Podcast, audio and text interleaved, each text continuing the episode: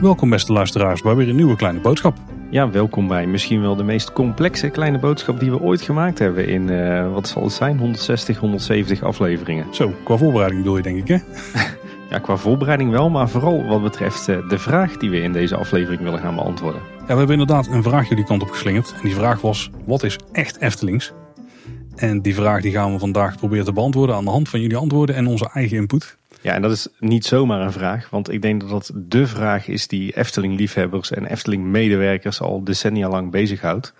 Uh, ik weet niet beter dat uh, toen ik uh, een jaar of twintig geleden in, voor het eerst in aanraking kwam met andere Efteling-fans, dat toen al de vraag werd gesteld om de haverklap van, ja, wat is nou Eftelings? Is dit nou echt Eftelings of niet?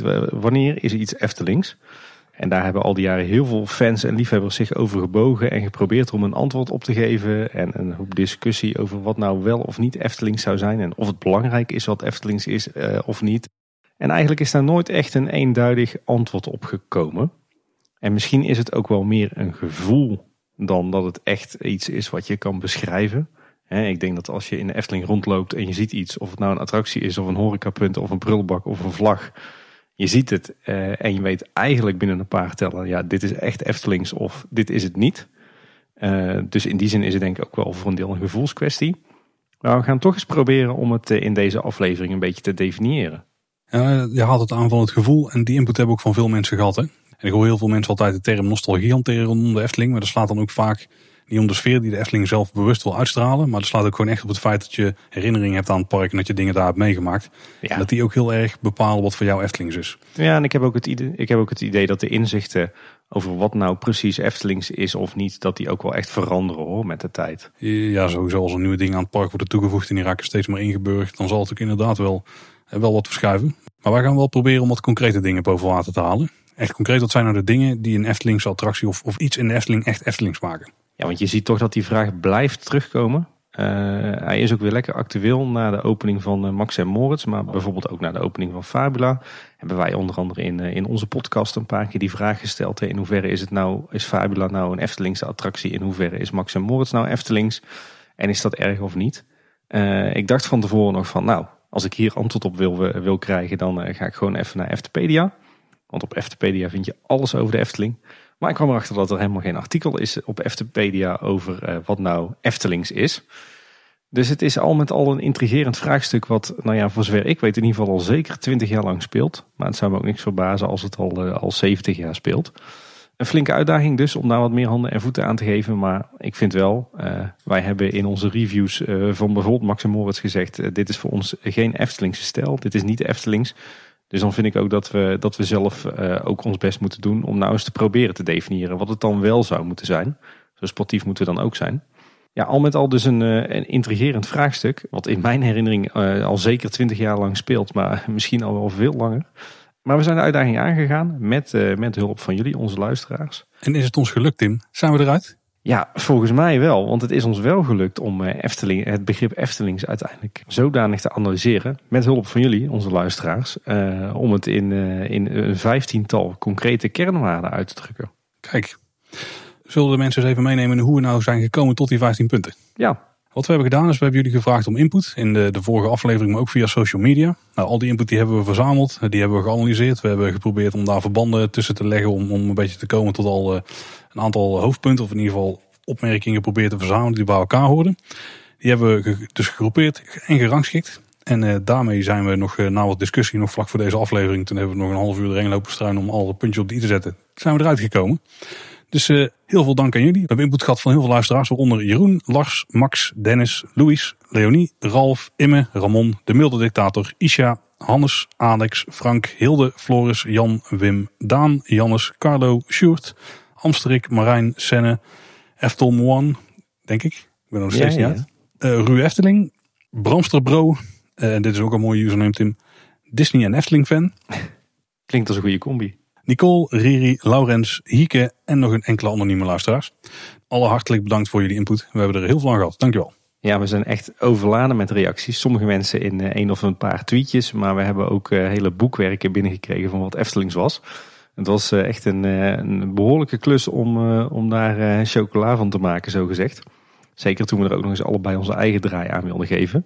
Dus het was weer zo'n typisch kleine boodschap-experiment. We vragen even wat input en we mengen het met, met onze eigen visie. En uiteindelijk zijn er heel veel uurtjes ingekropen om daar, daar enigszins lijn in te krijgen. Maar goed, wat we al eerder zeiden, we hebben altijd de mond vol bij Kleine Boodschap van wat nou Eftelings is of niet. En deze aflevering proberen we ook zelf boter bij de vis te doen. Alhoewel ik natuurlijk wel moet zeggen, dit is onze visie en die van onze luisteraars op wat Eftelings zou kunnen zijn. En we moeten natuurlijk wel zo bescheiden en nederig zijn um, om daar een disclaimer bij te geven van... Het is dus niet per se dat dit Eftelings is. Dit is alleen onze visie op wat Eftelings is. Tim, we hebben het gehad over dat we alles hebben geprobeerd terug te brengen tot 15 kernwaarden. Maar wat zijn nou volgens ons kernwaarden? Wat zijn de kernwaarden en wat zijn ze zeker niet? Ja, ik denk, ik denk wat, wat, wat voor ons uh, aan de voorkant heel duidelijk en heel belangrijk was, is uh, we wilden echt uh, concrete zaken hebben. we hebben van, je, van onze luisteraars behoorlijk wat abstracte input gehad. maar bij ons was aan de voorkant al duidelijk, dit moet eigenlijk een soort van checklist worden waarmee je kunt bepalen of iets nou wel of niet Eftelings is. Dus we zijn echt op zoek naar de kernwaarden, of naar, de, naar, de, naar de criteria, naar de beoordelingscriteria, naar de, de normen, naar, eh, nou geef er een draai aan. Dus echt concrete zaken die definiëren of iets Eftelings is of niet. Ja, zoals je zei, we hebben ook een hoop abstracte input gehad. Uh, dus dingen die, die niet echt uh, concreet te maken zijn. Zoals een paar doornemen, want we hebben wel een aantal toffe inzendingen gehad. Die toch wel de moeite zijn om mee te nemen in deze aflevering. Ja. Dus kregen we een berichtje van Jeroen van Baren. Wat is nu echt Eftelings? Het gevoel van even zorgen loslaten en een dagje genieten. Ik ben ook van mening dat echt Eftelings bij iedereen ergens anders ligt. Okay, die gaat ook heel erg in dat het voor iedereen iets anders betekent. Ja. En ook Floris schreef, en dit vond ik best een mooie, mooie manier om te verwoorden. Al met al is het dus vooral met je hoofd in de wolken zitten, terwijl je dingen ziet die in die wolken thuis horen. Dat is mooi gezegd, ja. En hier hebben ze het natuurlijk beide over escapisme. Dus dat je je eigenlijk helemaal kunt verliezen in zo'n uh, omgeving. En dat is natuurlijk een beetje lastig om concreet te maken. Maar ik denk dat als je de kernwaarden er straks bijpakt, dat die allemaal meehelpen om dat gevoel van escapisme om dat te verhogen. Om het onderdompelen in zo'n wereld, om dat mogelijk te maken. Maar het feit dat je ondergedompeld wordt in een wereld is een beetje lastig om... Uh, dat is niet een concreet punt wat je kunt afvinken van dat gebeurt. Want dat is een gevoel wat je uiteindelijk eraan over moet houden. Ja, en escapisme is ook eigenlijk een beetje het resultaat van een goede Eftelingse omgeving of attractie. Absoluut, ja. Ja, ja, ja zeker kreeg ook een berichtje van de smaakmaker. En ze schrijft, er zijn natuurlijk een hoop uiteenlopende meningen over wat wel en niet in ons prachtige park zou moeten staan. En dit komt waarschijnlijk omdat het naar mijn idee een gevoelskwestie is. Iedereen heeft een andere herinnering of een ander gevoel bij de Efteling. Ja, daar heeft ze op zich wel gelijk in. Kijk, of iets Eftelings is of niet, is natuurlijk een hele subjectieve kwestie. Uh, maar we hebben, uh, we hebben in ons onderzoek uh, vooral geprobeerd om dat subjectieve nou eens een beetje te objectiveren. En daarom hebben we ook om jullie mening gevraagd. Want als je al die meningen en al die visies naast elkaar legt, dan kom je er toch achter dat er behoorlijk wat overeenkomsten tussen zitten. En dat je het dus wel degelijk kan objectiveren, tussen aanhalingstekens. Ja. Iets wat we ook veel binnenkrijgen, binnenkregen van onze luisteraars is de opmerking dat uh, echt Eftelings het wow-effect is. Hè? Dus het gevoel van wauw als je ergens binnenloopt of binnenstapt. Wat we ook van verschillende luisteraars terugkregen is, uh, wat is nou typisch Eftelings, um, een verwondering over de magie om te betoveren. Zo kreeg, uh, kregen we van Carlo van Schijnel een inzending. Ik weet dat ik als kind bij elk parkbezoek weer totaal verwonderd was als ik vanaf het Herautenplein links naar beneden liep richting de kleine ingangsgrot van het Indische Waterleliesplein. En dat, telkens toch weer totaal onverwacht, het grote volplein met de reusachtige wachters opdoemde midden in het bos. Dat gevoel van verbazing en verrassing is nog steeds echt Eftelings voor mij. En Eftelmoan die zegt, ik denk dat Efteling een plek is waar je je kunt verwonderen en zodra je er bent, je even dagelijks leven compleet vergeet. Een plek van gezelligheid, genieten van de sfeer en natuur en lekker losgaan in een achtbaan. Ja, beide heren beschrijven voor mij hier wel uh, inderdaad uh, typisch het Efteling gevoel. Dus het gevoel wat je hebt als je een dagje rondloopt in de Efteling. Maar niet per se of iets nou Eftelings is of niet. Ja, ja zo omschrijven ook heel veel mensen het park als uitnodigend. Ja, dat kan ik me ook wel voorstellen, maar het is lastig om uh, uitnodigend om dat op je checklist te zetten. Uh, ik kreeg ook pas wel een paar keer terug dat uh, respect voor het verleden van het park belangrijk was. Maar daarbij doen ze vooral over het behoud van dingen die er al zijn. dus ook dat is een beetje lastig bij bijvoorbeeld een attractie van, ja, is, bij een nieuwe attractie heeft hij respect voor het verleden van het park. Nou, daar zou je bij Max en Moritz nog over kunnen discussiëren, maar bij de meeste nieuwe attracties is dat niet echt aan de orde. We hebben ook echt letterlijk terug gehad. Uh, het, was niet van Robert, was niet van Robert Jaap zelf, maar het staat in de Efteling. En daarmee wordt het dus Eftelings. En heel veel mensen die beschreven van er zijn gewoon een aantal zaken die staan er al zo lang. Die zijn er gewoon echt bij gaan horen. Of ik ken het park niet zonder die zaken. En daarom zijn ze toch Eftelings. En voorbeelden daarbij waren de Python of, uh, of Carnaval Festival. Ja, dan kom, je, dan kom je toch inderdaad weer op die nostalgie, op de, de persoonlijke herinneringen, op iconische waarden. Ehm, maar maakt iets dat per se Eftelings? Hm, denk het niet. Dat, ja, dan zou in theorie alles Eftelings kunnen worden. Precies. En dat is ook wat veel mensen zeggen, maar wij wilden het uh, in, dit, uh, in deze zoektocht uh, toch net even wat concreter maken dan dat. Wat we ook van, van veel luisteraars terugkregen is, het is Eftelings als het voor iedere leeftijd is. zo zegt Louis de Visser, de Efteling is een wondere wereld die elke bezoeker onderdompelt. Elke leeftijd en elke interesse. Uh, Isha Walburg die zegt, een beleving creëren die een generatie overstijgende kracht moet hebben. Hm. Een mooi voorwoord wel. Ja. Uh, Jan Serneels die zegt, vooral in het Sprookjesbos vindt elke generatie genoeg ankerpunten waar goede herinneringen op een veilige manier aan verbonden kunnen blijven. Je kan er namelijk zeker van zijn dat een volgende generatie het Sprookjesbos ongeveer hetzelfde zal terugvinden. En Sjoerd Rietveld die zegt nog, wat voor mij echt Eftelings is, is dat de Efteling kinderen meetrekt in een veilige volwassen wereld. Uh, ze leren de kinderen volwassen onderwerpen zoals jaloezie en andere zondes, net als in de oude sprookjes. Eerbiedig naar kinderen en ze als volwaardig mens behandelen. Ja, ook mooi. Ik denk allemaal waar. Maar aan de andere kant, als een attractie bijvoorbeeld uh, specifiek voor een bepaalde leeftijdsgroep is, uh, denk aan een Baron 1898, en dan is hij dus niet voor iedere leeftijd geschikt. Uh, maar daarmee is het nog niet per se een niet-Eftelingse attractie. Ja, wat natuurlijk wel zo is, is dat de bron wel voor kinderen heel mooi is om naar te kijken. Dus op die manier is het toch een beetje voor kinderen. Maar ik snap wel wat ze, wat ze hiermee bedoelen hoor. Want het is, um, als je met een volledig gezin naar de Efteling gaat, dan is er voor iedereen wat wils. Zo zou je het natuurlijk ook kunnen, kunnen lezen. Ja, weet je, het, is, het, het zijn, uh, wat we tot nu toe horen, zijn natuurlijk allemaal wel, wel, beschrijft wel allemaal de kracht van de Efteling. Maar wil nog niet per se zeggen of iets nou Eftelings is of niet. Dit is meer het resultaat van goed Eftelingschap. Dus als je de kernwaarden van ons juist inzet, dan zou dit allemaal moeten kunnen bereiken. Dus dat het je onderdompelt, dat het voor uh, het hele gezin is, dat het je verwondert, dat het, uh, dat het een magische effect op je heeft. Ja, dat het een wauw-effect geeft. Ja. we kregen ook nog een, een inzending over een, uh, zo'nzelfde soort aspect. die kwam van Floris. En die wilde het personeel van de Efteling in het zonnetje zetten. hij schrijft, en dan is er nog het personeel dat net even het extra stapje zet om de wereld nog net iets meer kleur te geven. Dat alles zorgt voor een prettige en onbezorgde dag. Even weg van alles in de wereld die je overal brengt. Nou, dat is dus weer het, het escapisme waar we het al eerder over hadden. En uh, het feit dat het personeel van de Efteling daar zeker ook een belangrijke rol in speelt. Ik denk dat dat iets is wat wij alleen maar uh, kunnen bevestigen. Maar nogmaals, ik denk niet dat dat per se uh, bepaalt of iets nou wel of niet Eftelings is. Dus ik denk dat het wel bijdraagt aan de complete Efteling-ervaring. Maar het is inderdaad niet iets wat we tot kernwaarde kunnen terugbrengen, denk ik. Nee. We hebben het er al over gehad dat, uh, dat de 15 kernwaarden die, uh, die we uiteindelijk hebben verzameld, dat die uh, dus vooral concreet moeten zijn. Um, wat ik zelf ook wel heel erg belangrijk vond bij het, het opstellen van mijn eigen lijstje. Want dat hebben we allebei gedaan voordat we de input van luisteraars kregen. En dat hebben we ook weer niet met elkaar gedeeld. Dus daar hebben we echt even gekeken naar wat vinden we zelf nou belangrijk. Wat, wat bij mij wel belangrijk was, is dat ik op dat lijstje zaken wilde hebben die echt specifiek voor de Efteling uh, onderscheidend waren. Dus niet allerlei algemeenheden die je ook uh, in allerlei andere parken zou kunnen aantreffen. Uh, denk dan aan zaken als storytelling, thematisering, escapisme, daar heb je hem weer. Immersive teaming, de onderdompeling, goede muziek, dat soort zaken. Daarvan had ik zoiets van, ja, dat geldt niet alleen voor de Efteling. Dat bepaalt gewoon of iets een goede attractie is, of een goed themagebied of een goed park. Maar niet per se of iets nou Eftelings is of niet. Dus ik heb in ieder geval uh, bij het opstellen van mijn eigen lijstje wel geprobeerd om dat soort algemeenheden uh, te vermijden. En me echt te focussen op wat maakt nou het verschil?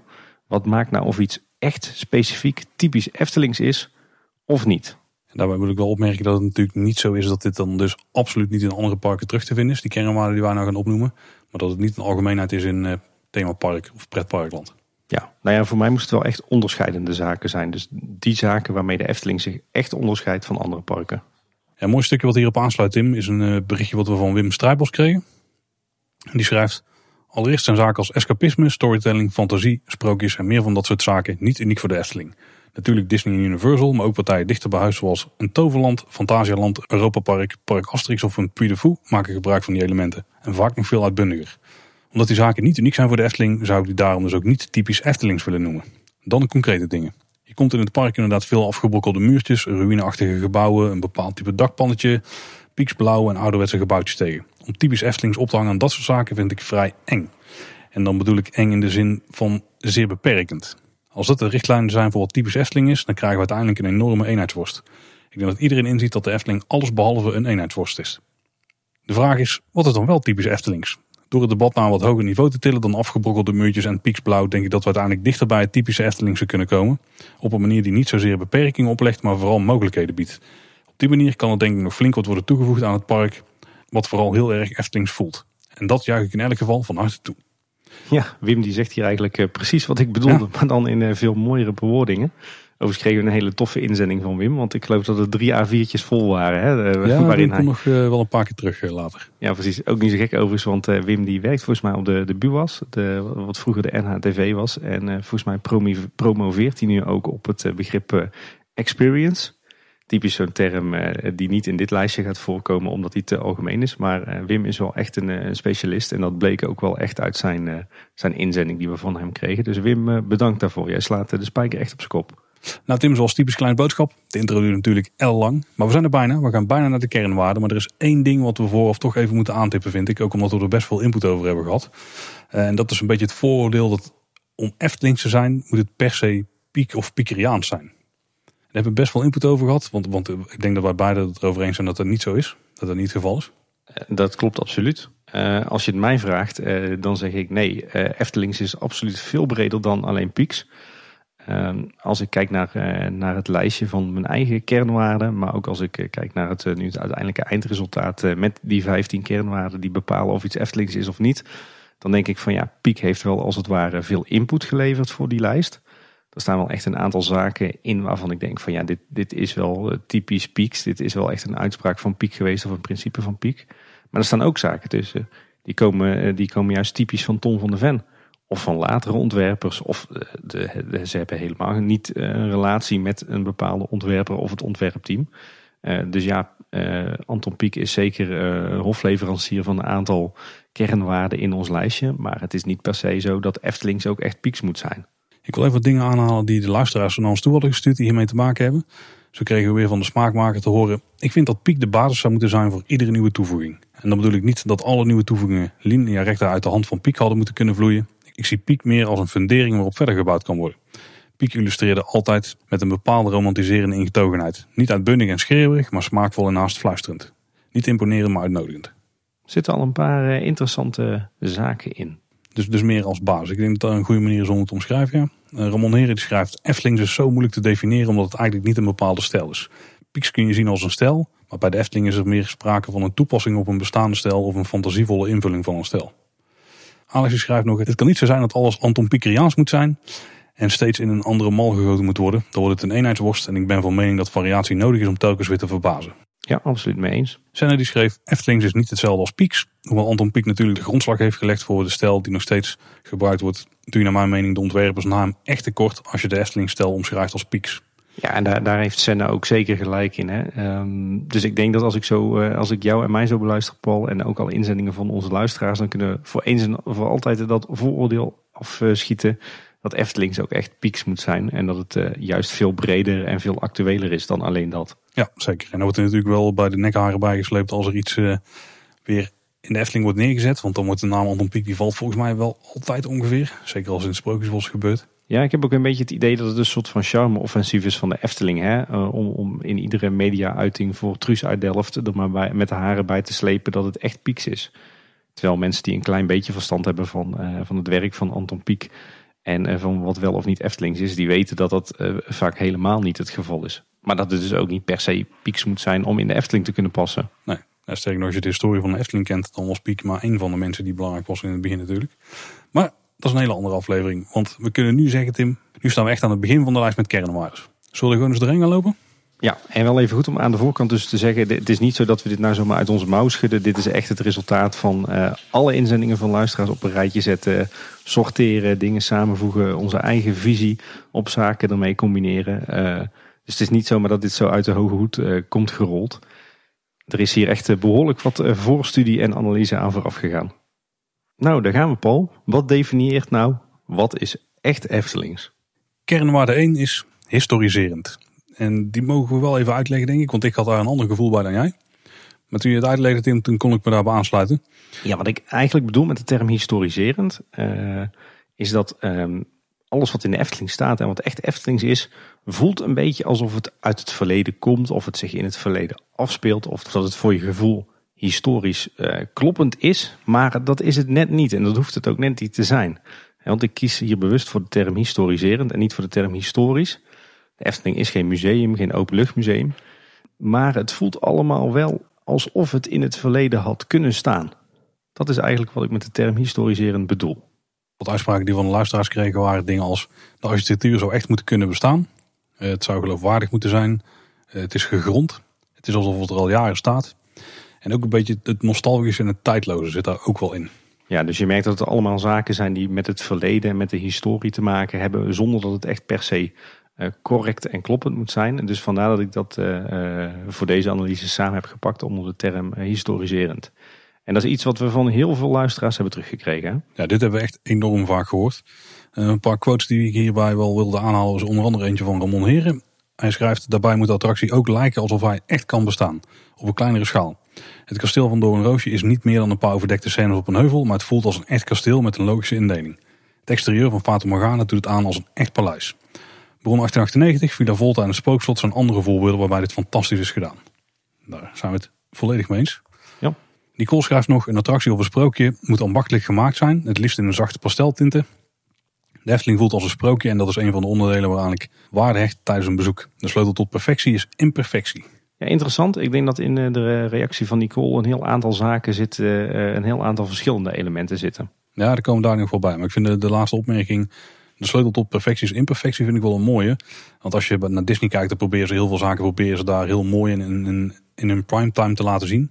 Terwijl het bij de Efteling inderdaad altijd net wat, wat ouder overkomt. En, en door die imperfecties in te brengen, daardoor wordt het juist perfect Eftelings. Ja, ik heb, ik heb voor mezelf ook opgeschreven verweerdheid. Ja, zeker. Ja. En dat, dat, dat verwijst dan meer naar, uh, naar de, de staat van de materialen. Zonder dat het echt uh, in een slechte staat hoeft te zijn, maar het oogt wel verweerd. Uh, dus dat sluit daar misschien ook wel een klein beetje op aan. Het oogt oud, het, oog, het oogt historisch, het, het oogt een beetje museaal. Ik denk dat dat wel typisch Eftelings is, ja. Riri schrijft ook nog... Efteling is voor mij een realistische verwondering. De gebouwen voelen realistisch, de verhalen zijn realistisch, de figuren zouden echt kunnen zijn. Maar in alles word je verwonderd en verrast. Ja, Walt Disney zei altijd: Disney is not a museum. Misschien zou je hier kunnen zeggen: De Efteling is not a museum, but feels like a museum. ja, oké, maar dan zonder de bordjes die alles uitleggen. Ja, precies. Je, je moet daar, ik, ik, wil daar wel bij aantekenen dat je wel enorm moet oppassen dat je niet te veel doorslaat in dat historische. Het moet dus vooral niet historisch kloppend zijn in de Efteling. Het moet, eh, het moet gewoon een beetje, beetje oud voelen. En, en het moet zeker niet voelen alsof het in het heden speelt, laat staan in de toekomst. Nee, dat absoluut niet. Nee. Want ik denk dat dan nooit in de Efteling zien verschijnen. Iets wat zich echt afspeelt in de toekomst of science fiction. En dan bedoel ik een beetje science fiction van nu. Maar ook het nu is niet echt Eftelingse. We hebben daar wel wat, wat elementen van met bijvoorbeeld panorama. Dat is, dan, dat is wel jaren 50, maar dat voelt van binnen toch iets, misschien iets te veel nu. En misschien is het ook wel wat de vrolijke noot niet echt typisch Eftelings maakt van binnen. Ja, van binnen inderdaad. Van buiten vind ik de vrolijke noot wel historiserend. En eigenlijk ook als je kijkt naar de, de, de, recente attracties. Denk aan Ravelijn, denk aan Bron 1898. Denk zelfs aan Max en Moritz. Um, ja, dat speelt voor je gevoel toch allemaal in het verleden. Of het nou 50 of 100 of 200 of 500 jaar geleden is. Maar dit, het grijpt allemaal wel terug op dat verleden. Ik denk dat dat wel heel erg belangrijk is in, uh, bij de vraag van is iets nou Eftelings of niet. Het moet dus uh, voelen alsof het in het verleden afspeelt. En er ook zo uitzien. En ik denk dat puntje 2 een mooie aanvulling is op punt 1. Kernwaarde 2 is namelijk fantasierijk. Ja, dan bedoelen we natuurlijk niet dat parkdeel in de Efteling. Hè? Dan bedoelen we gewoon het, eh, het gangbare begrip fantasierijk. Paul, jij zegt dat is een goede aanvulling erop. Ik zie die twee dingen wel echt als twee kernwaardes eh, die hand in hand gaan. Ik denk juist dat iets uh, juist Eftelings is als het aan de ene kant dus historiserend is. Maar aan de andere kant fantasierijk. Je zou kunnen zeggen, is dan misschien een tegenhanger daarvan? Ik denk het niet. Ik denk dat die twee samen optrekken. Ik dacht in eerste instantie ook dat ze, dat ze een soort tegenpolen waren. Want ik bij historiseren dacht aan, het moet echt hebben bestaan. Als in, het moet echt een historische inslag hebben. Maar het is meer dat het, het moet historie hebben. Het, moet echt, het had echt moeten kunnen bestaan, zoals veel luisteraars schrijven. Maar er moet altijd wel een randje fantasie in zitten. Altijd iets wat dan net niet kan. Maar dat het wel is uitgewerkt op zo'n manier dat het nog steeds heel geloofwaardig overkomt. Ja, ja ik denk een schitterend voorbeeld wat daar wel heel ver in gaat is Symbolica. Dat voelt eh, voor je gevoel zowel aan de buitenkant als aan de binnenkant alsof het zich echt in het verleden afspeelt. En daar zitten heel veel elementen in, in de, de, de, de geveltjes, de, de, de, de wandjes, het interieur. Die echt voelen van, oh dit is een oud paleis van uh, 2, 3, 400 jaar geleden. Maar tegelijkertijd is het ook ontzettend fantasierijk. Want er zitten allerlei elementen in die natuurlijk nooit eh, zo in het verleden daadwerkelijk hebben zich hadden kunnen afspelen. Dus ik denk dat die twee, dat die echt wel bepalen of iets nou wel echt of niet echt Eftelings is. Ik had voor mezelf ook opgeschreven, misschien wil je dat ook sprookjesachtig noemen of, of wonderlijk. Ehm, maar bij nader inzien vind ik die twee termen een beetje te beperkend. Ik denk dat het begrip fantasierijk ja, eigenlijk het, het beste definieert wat het zou moeten zijn. Ja, want inderdaad termen als wonderlijk en zo, die hebben hier wel ook langs horen komen, ook heel vaak. Ik denk dat alle sprookjes hier wel een perfect voorbeeld van zijn. Want zeker in het sprookjesbos voelt alles alsof het er echt had kunnen staan. Dat je echt dit zou kunnen tegenkomen in een bos. Maar alle sprookjes hebben natuurlijk iets wat, wat heel fantasierijk is. Dieren die zich gedragen als mensen. Uh, zonen die veranderen in zwanen. Elfjes die gaan dansen alleen bij maanlicht. Ik weet niet wanneer die bijvoorbeeld gaan eten. Zou die ooit een keer schaften. Dat zijn dingen natuurlijk allemaal heel erg fantasierijk zijn. En eh, dat is misschien wel het allermakkelijkste voorbeeld om het hele sprookjesbos te pakken. Maar eigenlijk ook heel veel andere zaken die, ja, die zijn er wel aan te toetsen.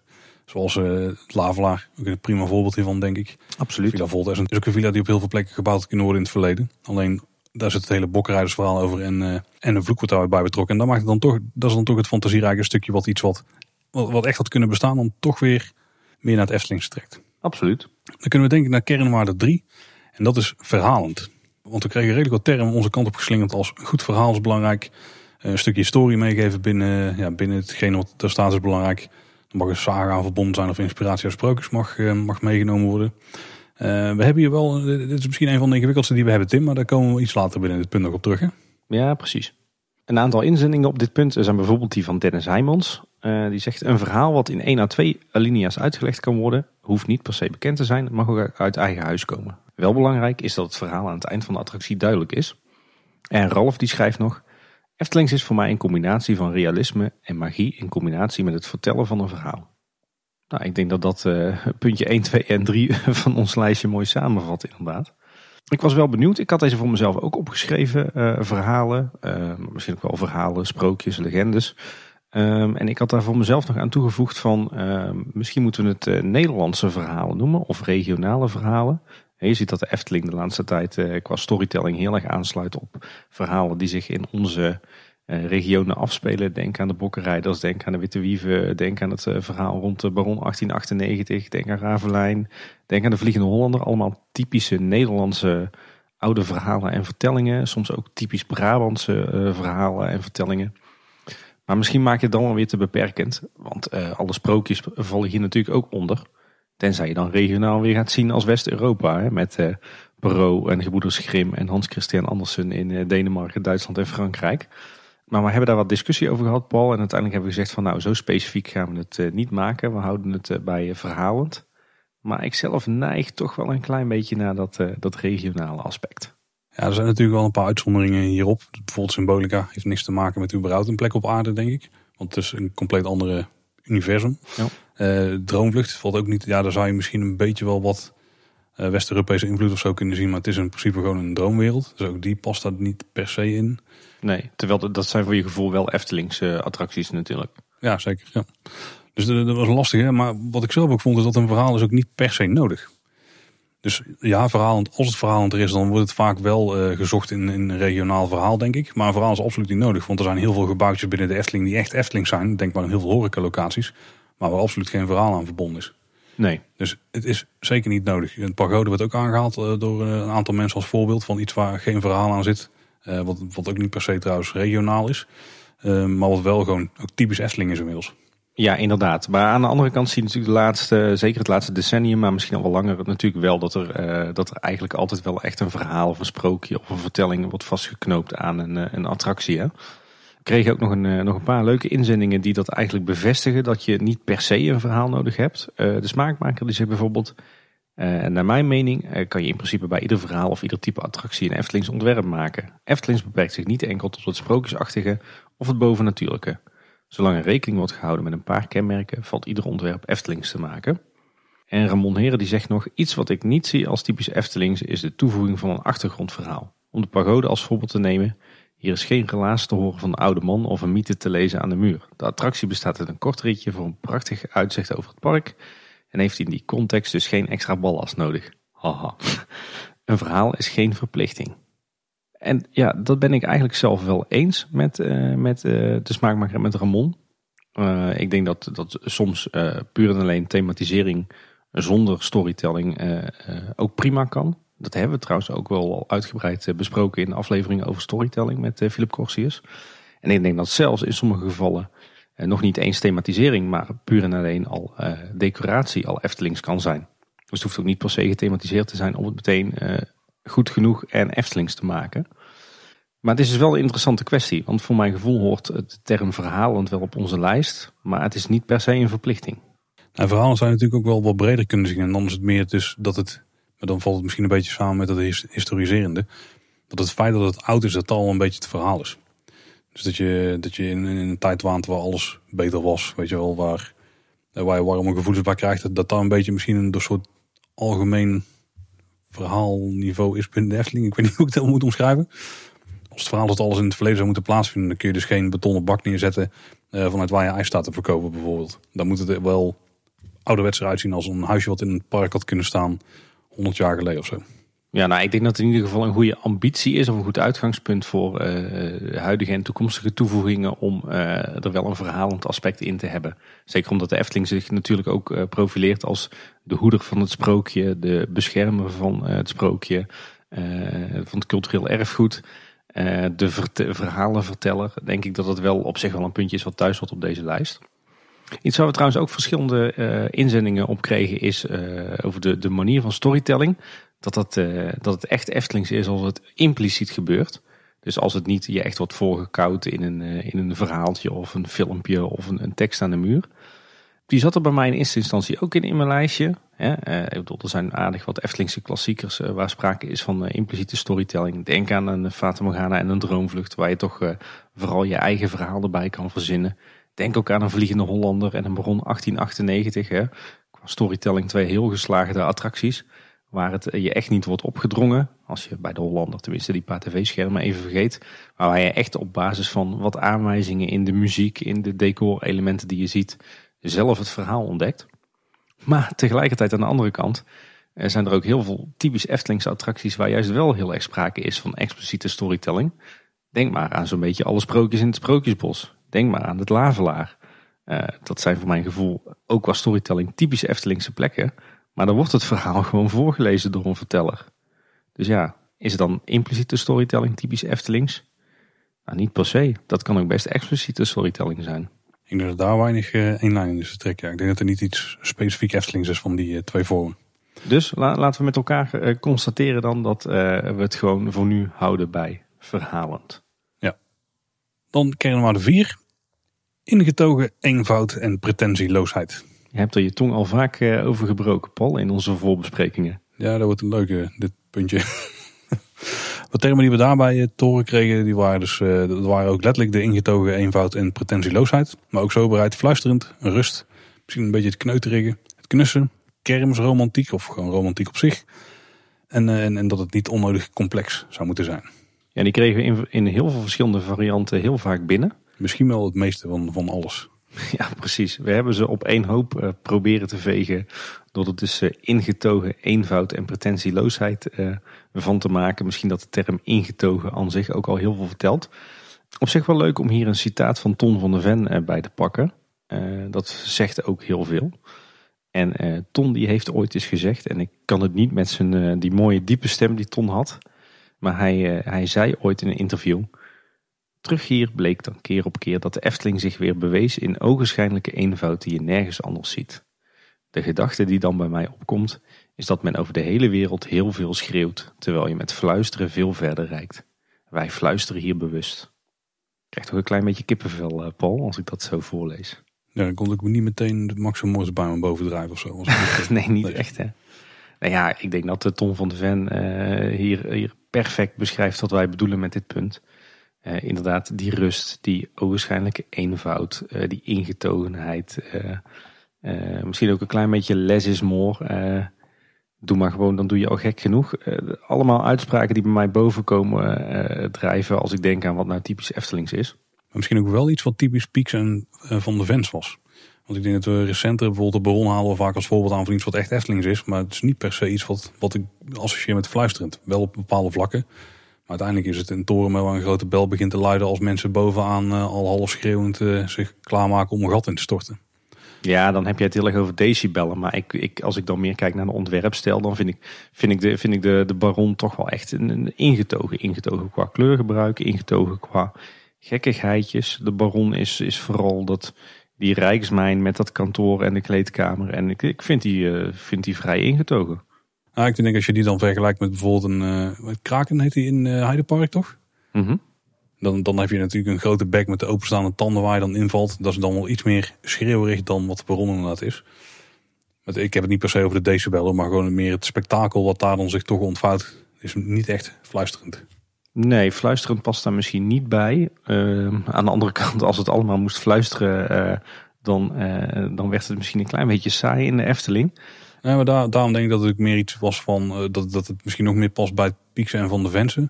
Want de bron is natuurlijk van Sander de Bruin, maar die heeft ook de Zes Zwanen gedaan. En die past veel meer in dat fluisterende straatje, denk ik. Ja, ik wou zeggen, de, de Zes Zwanen is natuurlijk heel erg ingetogen. Het meisje met de zwavelstokjes is heel erg ingetogen. Ik denk dat het goed is dat ze niet per se zich allemaal op dat niveau bevinden, omdat je dan die eenheidsworst krijgt. Maar um, het is wel een eigenschap van misschien niet altijd het, het, totaal, maar wel als je individuele stukken van een attractie pakt, dat je het er vaak wel op kunt toepassen. Ja. We kregen nog wat, uh, wat, wat, wat leuke inzendingen ook hier weer op. Uh, Ramon Heren die zegt bijvoorbeeld... een ontwerp moet een zekere rust en harmonie uitstralen. Nou, daar heeft hij ook zeker gelijk in. Uh, de milde dictator... bijnaam voor Anton Pieck trouwens, maar hij is het echt niet zelf. de milde dictator die schrijft... het zo bouwen dat het haar simpel, fluisterend aanvoelt... en tegelijk verborgen zit met kleine details... die je blijven verrassen na het zoveelste bezoek. Laurens schrijft bijvoorbeeld ook typisch Eftelings ten opzichte van andere parken in Nederland. Ze gaan voor kwaliteit boven kwantiteit. Dus niet per se een hele, hoop, een hele berg schreeuwende coasters of hele lange coasters. Maar gewoon wel een baron weer in dit geval. Die, dan, die dan toch wel subtieler kan brengen dan heel veel andere coasters waarbij het gaat om snelheid. En waar je geen beukende beats hebt in de stations. Uh, het, het, vijfde punt of de vijfde kernwaarde op onze lijst. Uh, die karakteriseert zich uh, ook weer door een paar termen die we van verschillende mensen hebben binnengekregen. En dat is uh, smaakvol, verfijnd en subtiel. In het smaakvol, het eerste woord wat bij me opkwam vroeger als je aan mij vroeg van wat maakt nou de Efteling uniek ten opzichte van andere parken. En dat is vooral denk ik als je kijkt in de regio Nederland. En dat, daar zitten ook wel een beetje een aantal dingen die we hiervoor al hebben gezegd hoor. Het feit dat het wat meer ingetogen is maakt dingen al vaak wat smaakvoller. Ja, en ik, ik denk hier dan ook hè, aan dingen die het vooral niet is. Hè. Eh, geen platvloerse humor, eh, geen knalkleuren. Eh. Maar wel voorbeelden te noemen die zo bij opkomen. ja, inderdaad.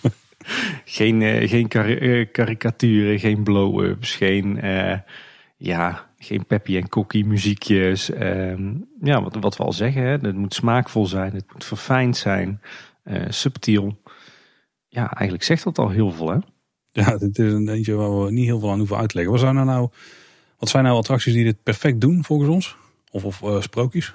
Nou, ik denk dat bijvoorbeeld Villa Volta is daar denk ik een heel goed voorbeeld van. Mm uh, is heel verfijnd. Ik denk de Zes Zwanen is daar een schitterend voorbeeld van. Ja, zeker. Ja. Ik, maar, maar, bijvoorbeeld ook Rapunzel hè, is, is uh, ook zowel enerzijds echt die eenvoud en die ingetogenheid. En anderzijds ook een heel verfijnd en smaakvol sprookje.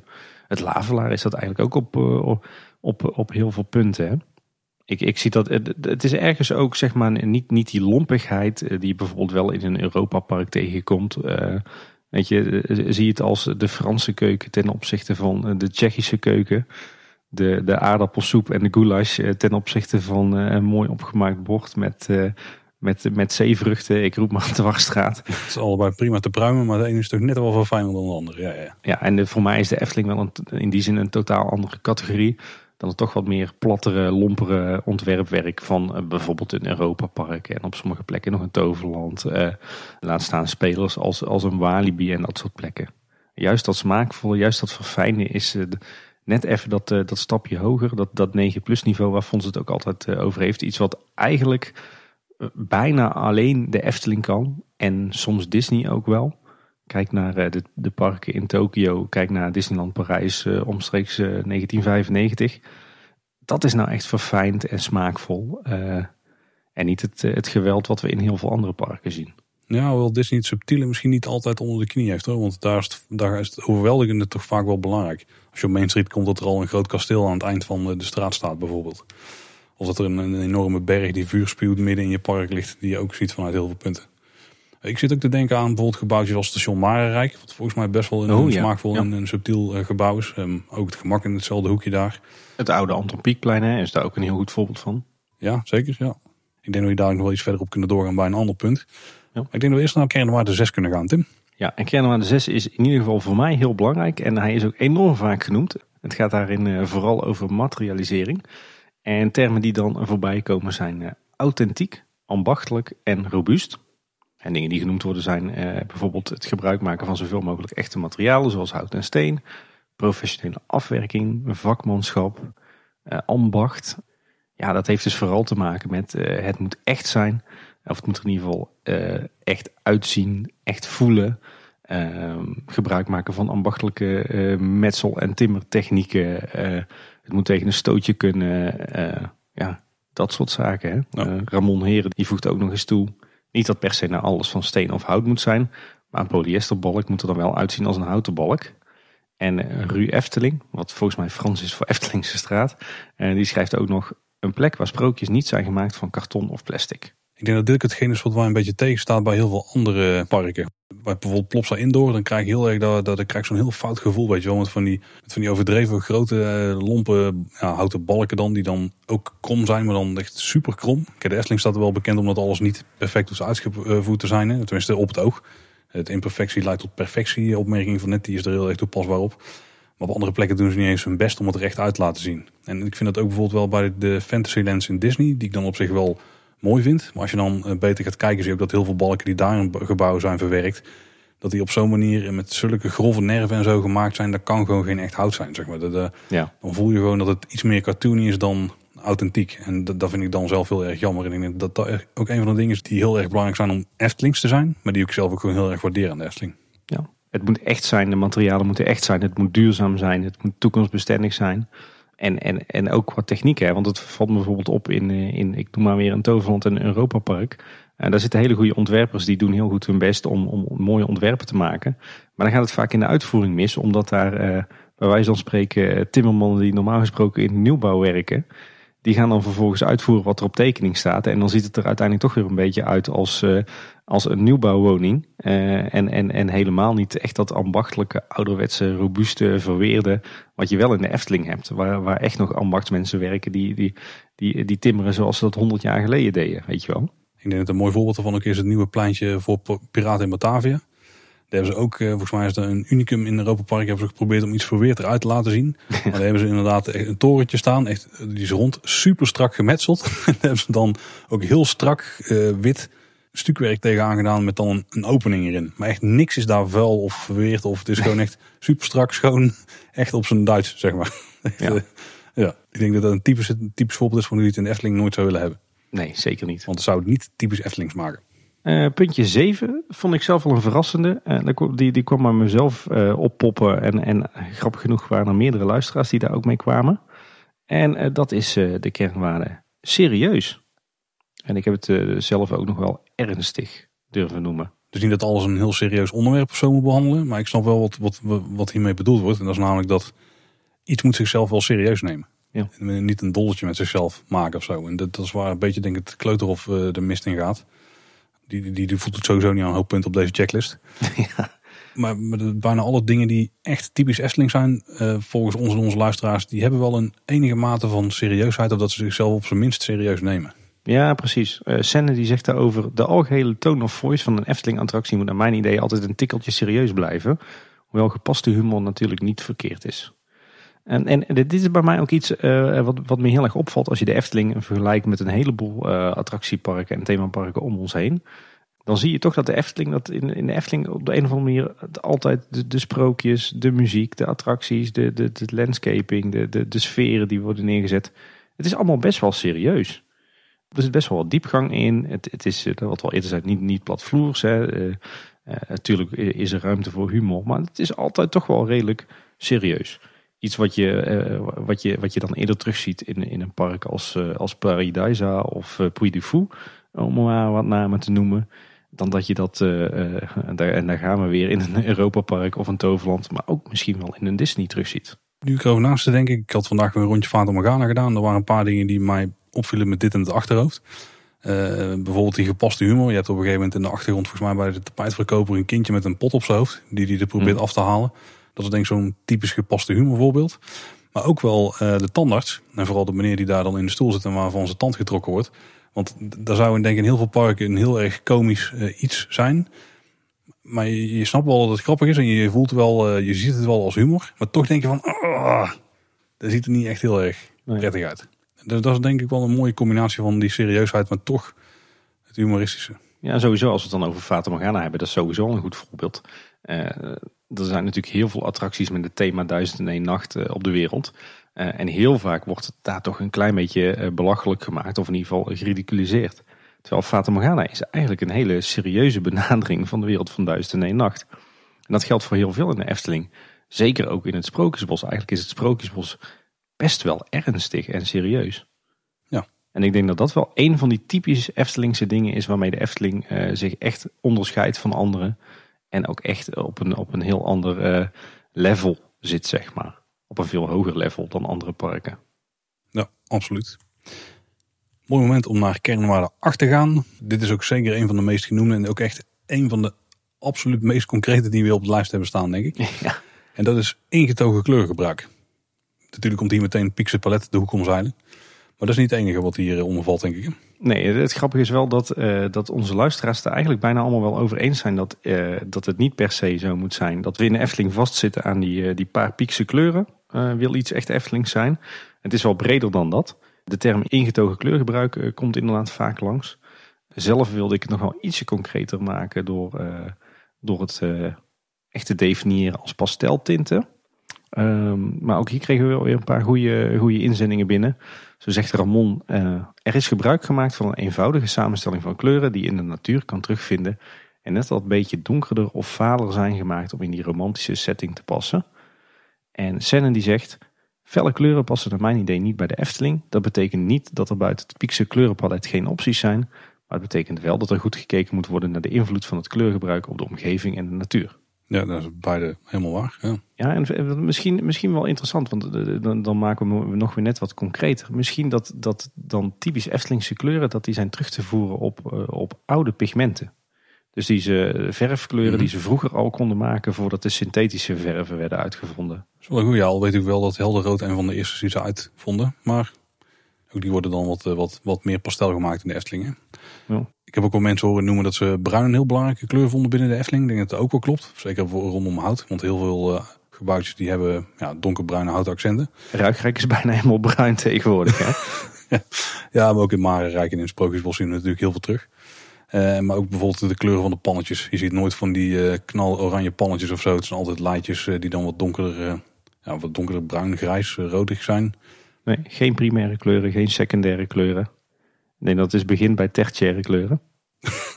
En toch is het Carnaval Festival voor heel veel mensen Eftelings. Maar misschien wel een van de grootste outliers van het geheel. hè?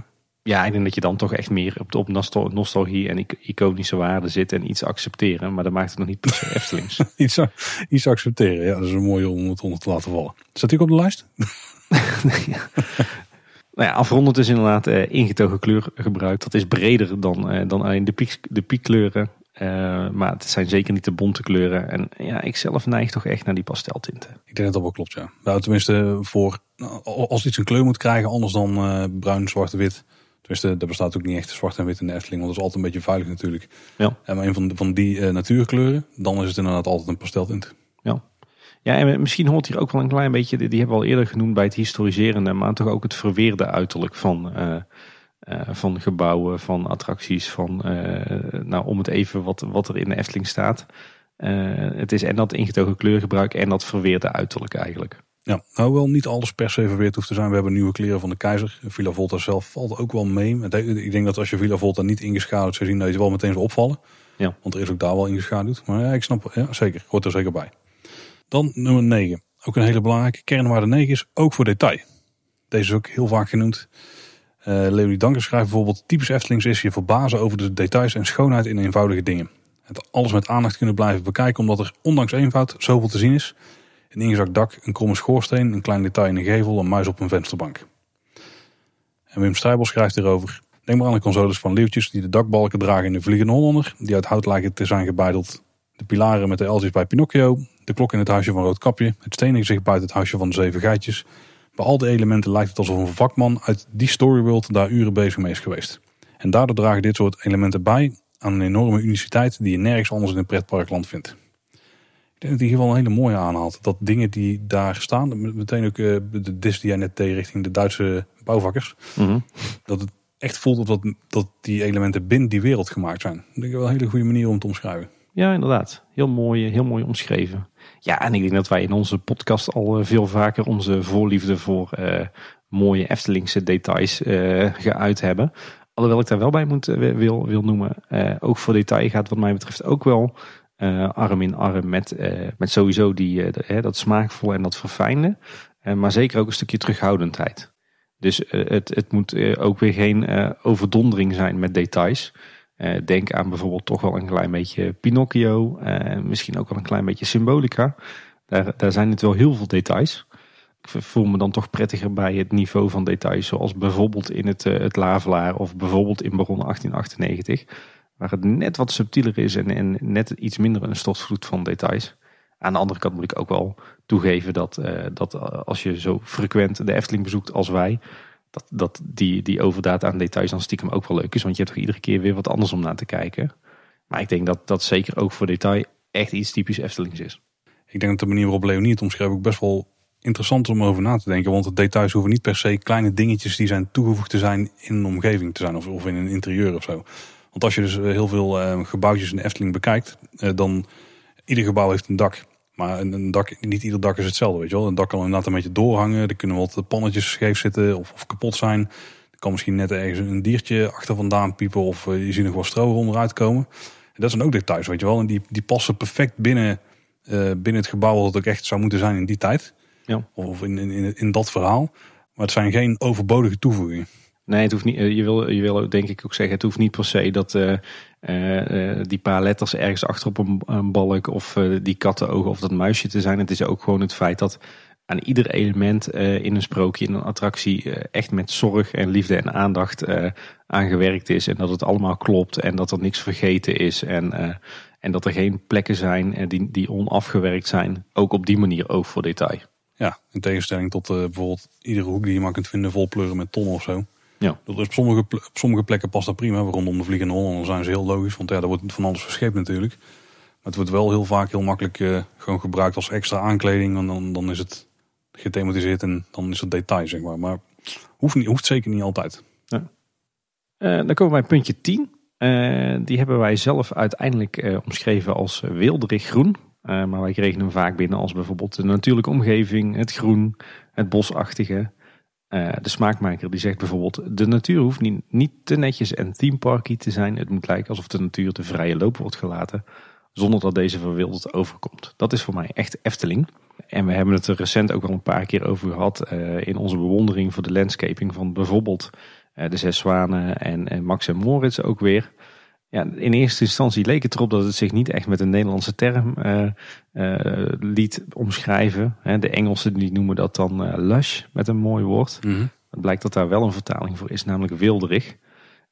en daarom wilden we dat bijvoeglijk naamwoord hier toch wel toevoegen. Want je vindt natuurlijk in bijna ieder attractiepark wel groen. Er staan overal wel boompjes en haagjes en grasveldjes. Maar in de Efteling is het wel echt wilderig. Oftewel, echt uh, die, die, overdaad aan groen en bloemen. En overal waar je kijkt uh, uh, is, het, is het groen, staan er bomen. het voelt toch wat natuurlijk aan. ja, een beetje dat gevoel hè. Ja, vooral dat je niet van tuin naar tuin loopt. Ja. Dus je loopt niet tussen perfect opgemaakte stukjes groen en dan naar het andere perfect opgemaakte stukje groen. Het, het, het typisch Eftelings is denk ik als het voelt alsof dat, het, dat attracties tussen het groen zijn geplaatst en dat niet het groen om de attracties heen is geplaatst.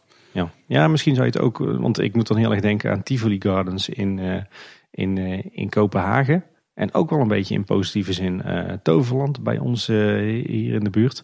Um, waarin het ook echt een soort van groene oase is waar je in terecht komt. Hè? Overal om je heen is groen, overal bloeien bloemen. Daar waar dan net even geen boom is of een plantsoen, er staan weer bakken en potten met, met, met, met tropische planten en bloemen. En dat, dat heb je in de Efteling natuurlijk ook. En dat voelt echt Eftelings. Het is niet, niet per se dat aangeharkte plantsoentje met die tulpen erin. Of, Of een paar van die, van die sprietjes van bomen. Nee, het is echt dat wilderige, echt dat overdadige groen. Wat best een beetje, een beetje verwilderd mag zijn. Het is natuurlijk niet voor niks dat de enige aandeelhouder van de Efteling Stichting Natuurpark de Efteling is. Precies. Het geeft natuurlijk wel een beetje aan dat het ook een belangrijke kernwaarde is vanuit de Efteling zelf. Ja. Dan nummer 11. Die hebben we niet super vaak per se genoemd horen worden. Wel een paar keren. Mensen vonden hem ook daar heel erg belangrijk. Wij vonden hem ook heel erg belangrijk. En dat is de volgende kernwaarde. Een meeslepend muzikaal landschap. Ja, en die is eigenlijk opgebouwd uit drie elementen. het meest komt dus binnen gewoon überhaupt muziek. Maar ja, muziek is natuurlijk... Ja, dat is niet heel uniek voor een uh, nee, precies. Uh, een luisteraar die, had wel, die, die kwam met de term meeslepende muziek. Waar ik, uh, wat ik wel begrijp. Vooral onze favoriete muziekstukken in de Efteling, die zijn wel echt meeslepend. Denk aan een, een Fata Morgana, maar ook een Baron, maar ook een Ravelijn, maar ook een Villa Volta. en ik heb hem nog iets, iets specifieker gemaakt door er inderdaad een muzikaal landschap van te maken. Want ik denk dat dat wel iets is wat ook typisch Eftelings is en wat wel heel erg onderscheidend en goed is. Namelijk dat muziek in de Efteling meer is dan alleen die soundtrack in een attractie. Maar het is uh, zeker de laatste tijd ook uh, een combinatie van uh, muziek op het plein, muziek in een, in een stationsgebouw, allerhande verschillende muziekstukken in de wachtrij, muziek bij de uitgang. maar ook allerlei sound effects, die soundscapes, maar ook de, de vertellingen die je hoort, de effectjes. Dat het dus één groot kloppend geheel is. Iets waar, waar René Merkelbach, wat mij betreft, met zijn collega's eh, echt wel in uitblinkt. Dus echt dat, dat totaalbeeld, zoals je ook het, eh, het gezamtontwerp hebt eh, qua ontwerp, heeft, heeft René dat wel echt fantastisch onder de knie. Dat, dat totale muzikale landschap. En eigenlijk is dat ook niet per se iets van de laatste jaren. Want eigenlijk is het Sprookjesbos, met alle belletjes en alle alle, alle figuren die wat roepen en alle vertellingen en alle muziekjes is eigenlijk ook één groot muzikaal landschap. Ja, want ik vind, ik vind diezelfde term meeslepend wel een hele goeie. Want dat betekent dat de muziek je ook meeneemt in het geheel. Dus het hoeft niet per se ja. groots of heel indrukwekkend te zijn. Maar het moet je gewoon meenemen door het hele, ja, door, door hetgeen wat je op dat moment ondergaat. En ik denk dat heel veel sprookjes inderdaad heel goed doen. En in het verleden deden ze dat dus met muziek die ze er heel specifiek voor uitzochten. Tegenwoordig met muziek die ze er heel specifiek voor componeren. Ik vind dat de Zes Zwaan ook hier weer een heel goed voorbeeld van is. Daar hebben ze instrumenten gekozen die toch een beetje die associatie met water hebben. En dat is ook de omgeving waar je in bevindt. Daar heb je natuurlijk de plassen en je hebt wat watervalletjes om je heen liggen. En die, die neemt je dan mee. Maar als je dan naar binnen gaat, dan komt er weer wat meer, meer een instrument erbij. En dan neemt je dan weer mee in hetgene wat daar gebeurt. Dus het meeslepende, het meenemende, vind ik een heel belangrijk uh, eigenschap van de muziek in de Efteling. Want ik denk dat als je naar parken om ons heen kijkt, uh, misschien daar gelaten, want die doen ook wel heel goed. En ook misschien wel een paar parken in België. Maar dan denk er altijd wel over na wordt gedacht dat muziek een beetje moet ondersteunen wat er gebeurt. Maar je hebt ook heel veel parken waarbij, nou misschien is Europa Park nog wel een goed voorbeeld, waarbij ze gewoon een of ander catchy deuntje uh, bij een uh, achtbaan in de wachtrij plempen. Iedereen gaat ermee associëren, maar ja, het laat eigenlijk zijn tang op een varken natuurlijk. Ja. Ja, over het volgende punt, uh, puntje 12 alweer op onze lijst, hadden we een klein beetje uh, discussie. Ehm, hij stond er in eerste instantie op als organische vormentaal. Um, want dat is iets wat we, wat we ook van verschillende kanten uh, binnen hebben gekregen. Dat organische, uh, zo zegt eh, Ramon Heren bijvoorbeeld. Veel vormen in de decoratie zijn gebaseerd op krullen die weer gebaseerd zijn op bloemfiguren. In de vormgeving moet eenvoud en romantiek dan ook voorop staan. En heel veel andere mensen verwijzen dus inderdaad naar het organische, naar het vormen uit de natuur, naar het, het kromme, het golvende. Is ook iets wat de Efteling heel vaak gecommuniceerd heeft. Maar ik wil er toch een klein beetje een lans breken voor het feit dat het volgens mij net iets anders is. Want ik denk dat eh, wat juist typisch Eftelings is, is niet zozeer een organische vormentaal, maar juist een hele grillige vormentaal. Nu mag je wel iets meer uitleggen, denk ik. Nou ja, bij, bij organische vormentaal denk je vooral aan, uh, aan figuren uit de natuur. de rondingen, de cirkels, uh, de, de, de, zeg maar de blobfiguren. Uh, ja, de, de, de meer de vloeiende organische vormen. Precies. Terwijl ik denk dat, uh, dat uh, wat juist typisch Eftelings is, is om het veel grilliger te maken. Denk aan uh, die typische Anton Pieckbomen, hè, die, die, die knottenwilligen in het landschap. er zitten toch best wel vaak strakke lijnen in. Denk aan de scheuren in het stukwerk. denk ook een beetje aan de lijnvoering hè, in het grafisch ontwerp. de typische Eftelingse lettertype, dat uh, is zo'n beetje het tegenovergestelde van Comic Sans MS. Hè. Daar zitten heel veel schreven in, zoals het dan volgens mij uh, officieel heet. Zo heet het officieel, ja. Heel goed. Nou, kijk, hey. Dus voor mijn gevoel is, is, is, is het zeg maar de vormentaal die in de Efteling wordt gebruikt, de lijnstijl is veel grilliger dan in heel veel andere parken. Net wat stoerder, net wat hakeriger. als, je, als je denkt aan de krullen, het zijn in de Efteling nooit nooit uh, van die joviale, vriendelijke krullen. Er zitten altijd nog wat haakjes aan, weet je wel. Ja, en ik denk dat dat juist die typische Eftelingse vormentaal is. Het, ja, het is organisch, maar ik wil hem toch wat specifieker en wat Eftelingser maken... door te zeggen van het is een grillige organische vormentaal. Ja, ik denk wat heel veel mensen hier vooral bedoelden... is dat het niet heel erg vierkant recht toe recht aan blokkendozerig is. Want dat is wat je absoluut niet in Efteling ziet. Behalve op een of ander object langs de productpromenade na. Wat je wel heel veel ziet bij andere parken in Europa. Dat ze gewoon een vierkant station bijna neerplempen. En met een dak erop zodat het droog is als je instapt. En, en dat was het. Dus in Europa Park zijn heel veel dingen zijn heel strak afgewerkt. In de Efteling zie je dat bijna nergens. Dan, dan is het, altijd, net altijd een beetje een, een buiging of een, een vormpje in. Ik denk dat heel veel mensen dat als organisch omschrijven. Maar ik snap wel wat jij bedoelt. Ja. Er zit ook wel een scherp randje aan af en toe. Precies, precies. En daarom voelt een, een vormentaal van een Monsje Cannibal en een Carnival Festival en een Kleuterhof niet Eftelings omdat hij te, te rond is. Iets te voorspelbare lijnen. Ja. ja. En ik denk dat het ook wel een misvatting is dat alles, alles krom en rond moet zijn. Hoor. Je zag dat een paar jaar geleden, toen we ineens in het Sprookjesbos uh, vanuit de, de, de, afdeling veiligheid moesten er ineens overal nieuwe hekjes komen.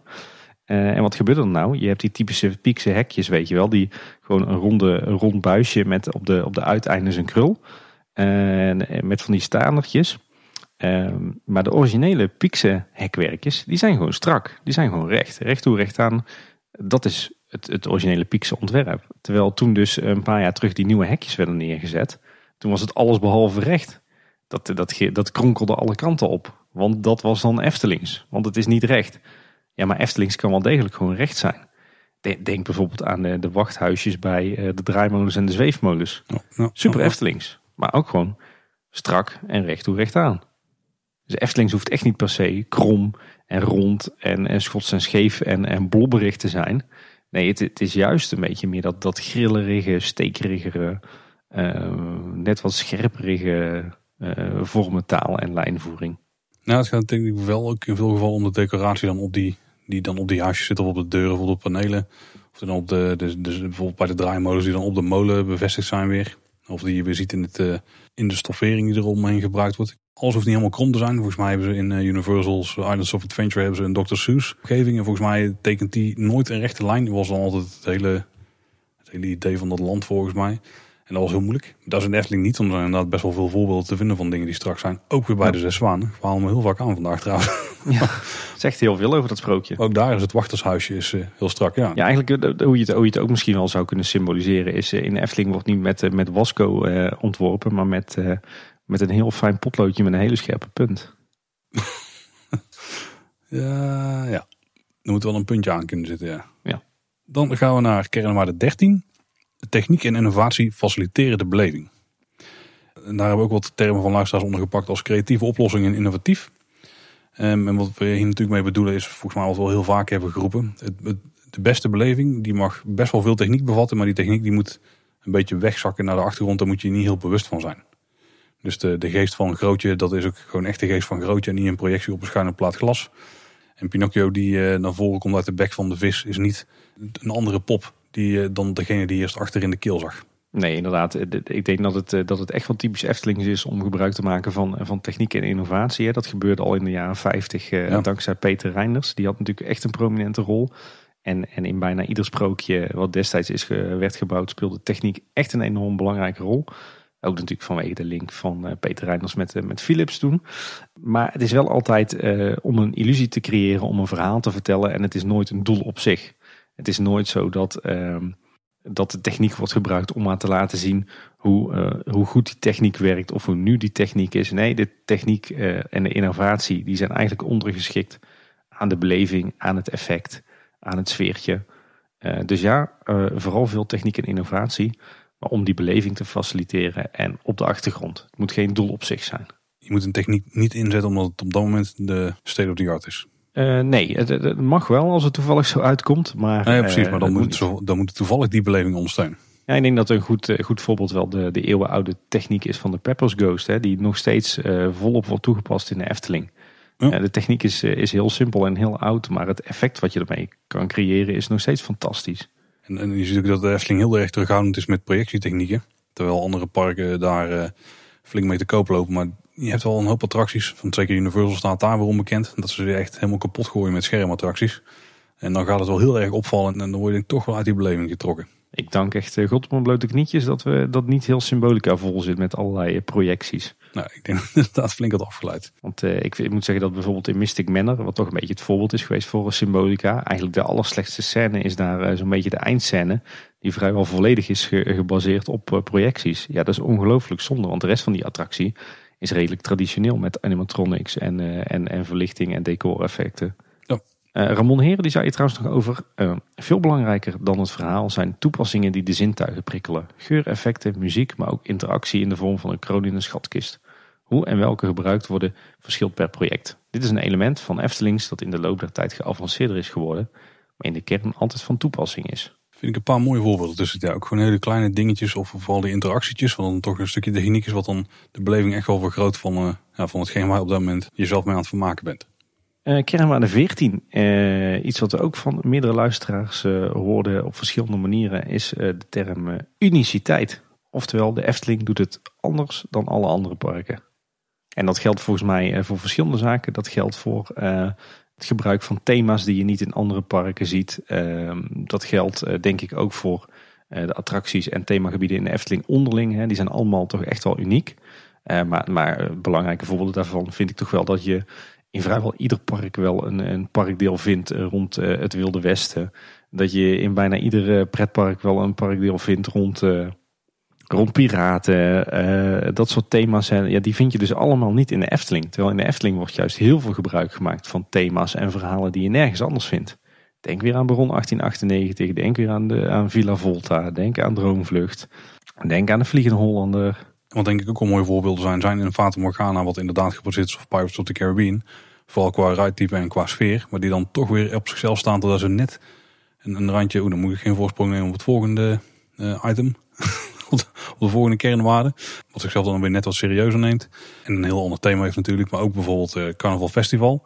Wat dan een It's a Small World-achtige kloon is.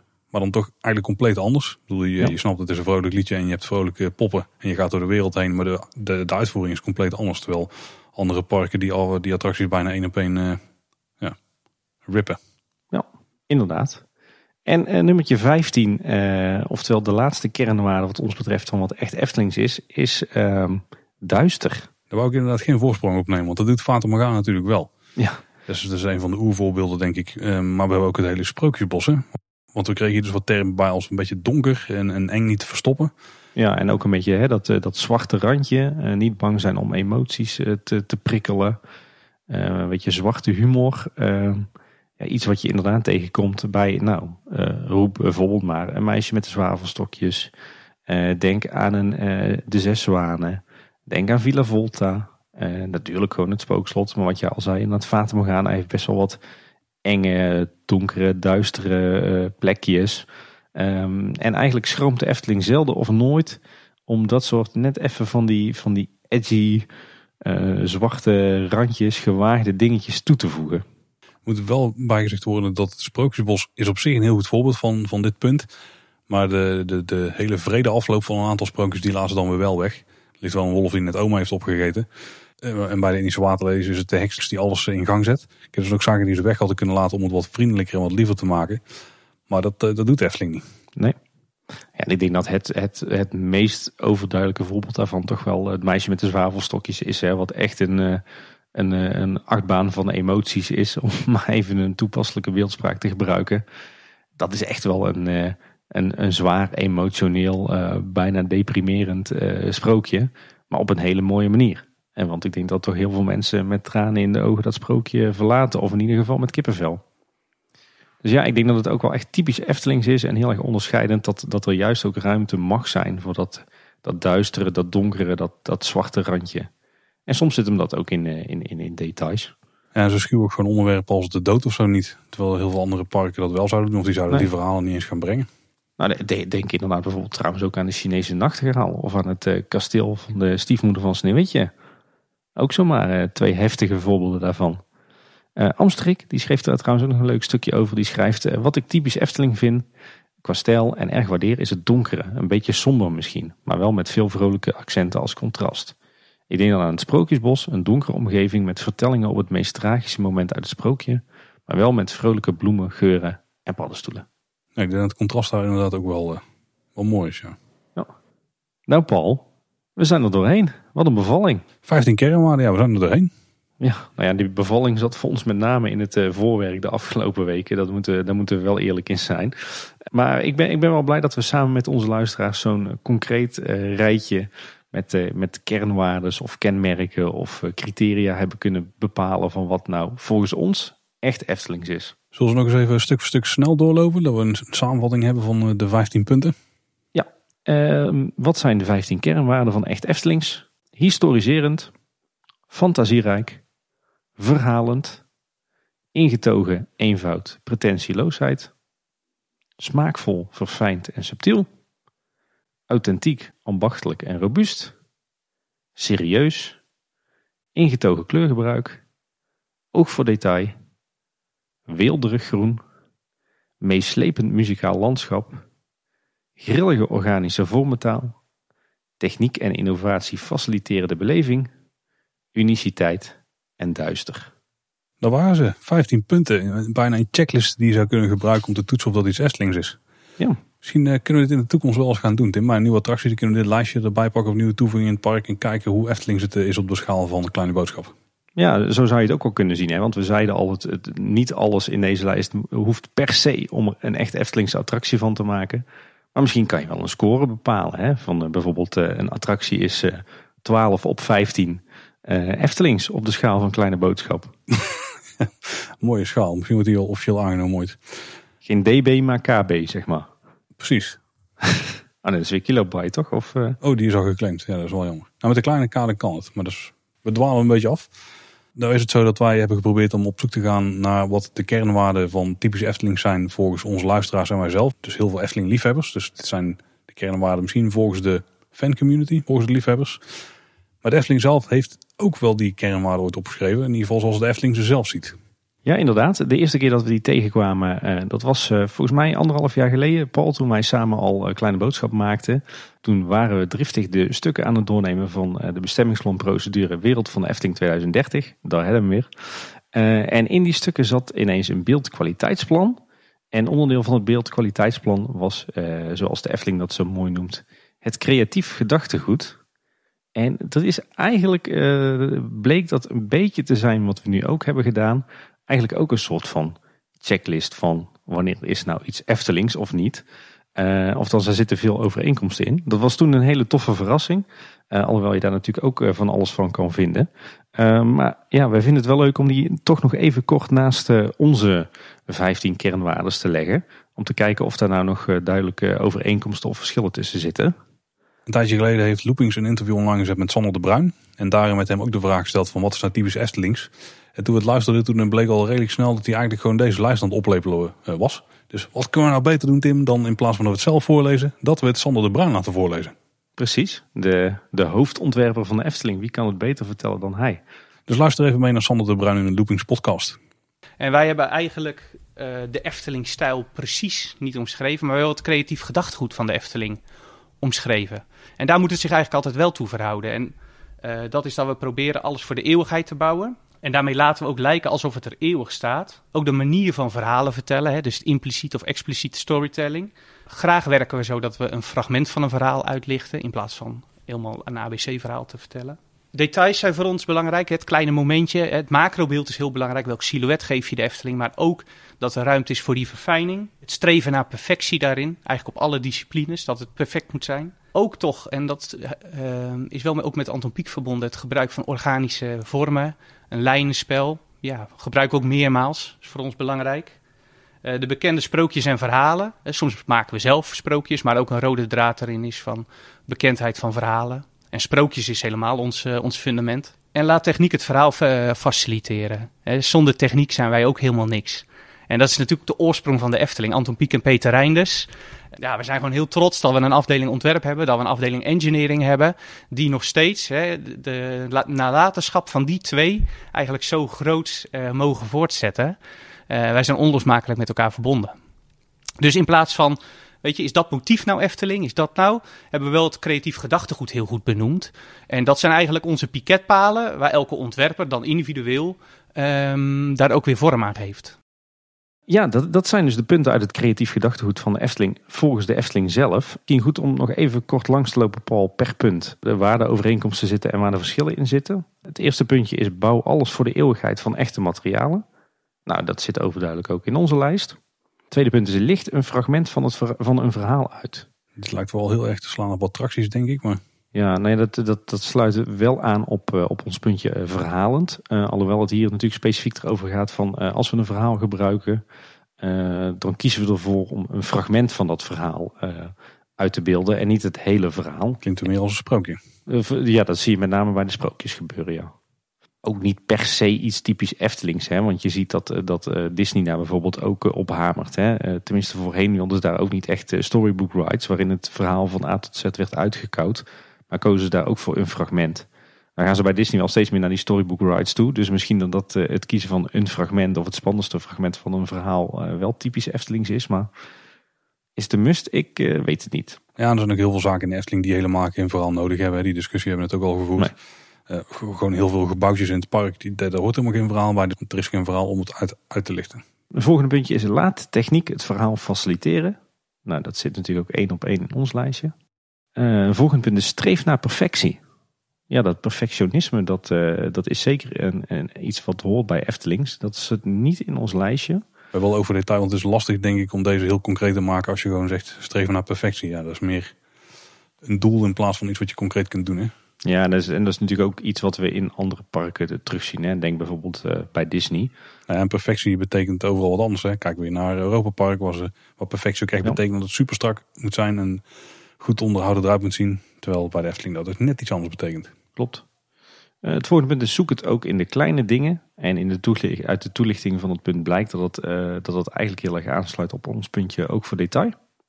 Dan wordt ook nog genoemd bewaken van het erfgoed.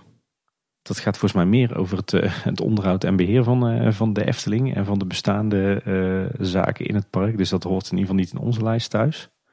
En een volgend puntje is gebruik organische vormen en denk in kromme lijnen. Hé, hey, daar is hij weer.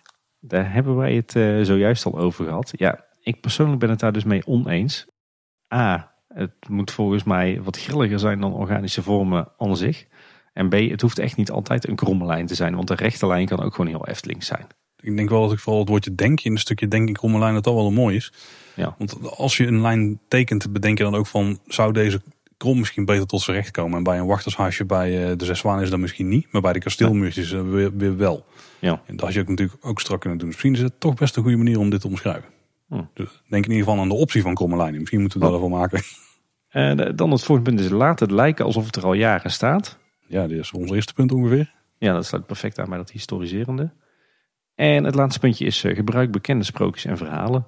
Nou, dat sluit ook weer aan bij ons puntje over uh, het verhalend zijn. Ja, toch, toch is het een vreemde dat hier uh, specifiek wordt gesproken over bekende sprookjes en verhalen. Ja. Terwijl, terwijl, dat denk ik niet per se nodig is. De Efteling doet het zelf ook niet met Bron 1898. De, de Witte Wiever waar die zo bekend. Ja, en denk ook aan, aan de Zes Zwanen als sprookje. Denk ook aan... Ja, Symbolica. Symbolica inderdaad. Denk ook aan Max en Moritz.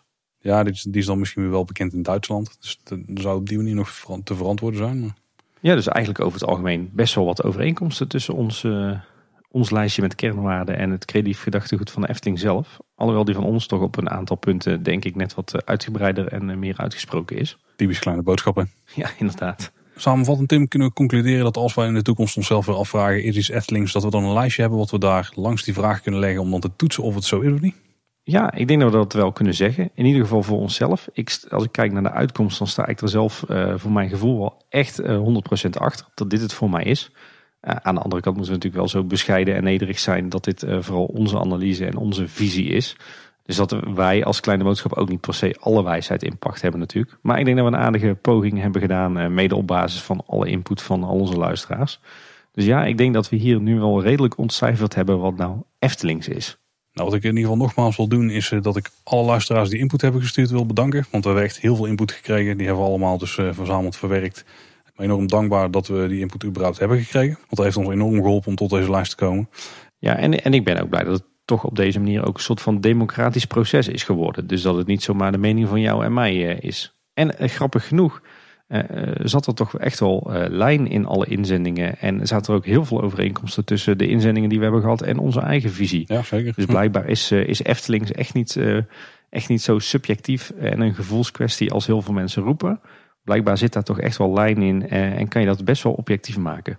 Ja, precies. En misschien moeten we inderdaad maar eens de uitdaging aangaan over een tijdje om eens wat, wat recent toevoegingen langs die, die lat te leggen. En eens te kijken hoe die scoren op de schaal van kleine boodschap.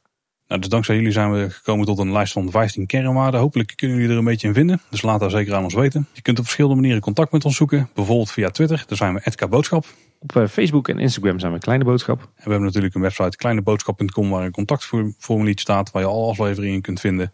Als je wat meer kwijt wil, uh, je wil een bestandje sturen, je wil een, uh, een audioclip, een voiceclip sturen. Dan kan dat ook altijd. En dat kan naar uh, info.kleineboodschap.com. En wat we ook altijd tof vinden is als je een reviewtje wil achterlaten op Apple Podcasts. Dat was in ieder geval weer voor deze week. Bedankt voor het luisteren. Tot de volgende keer. En houdoe.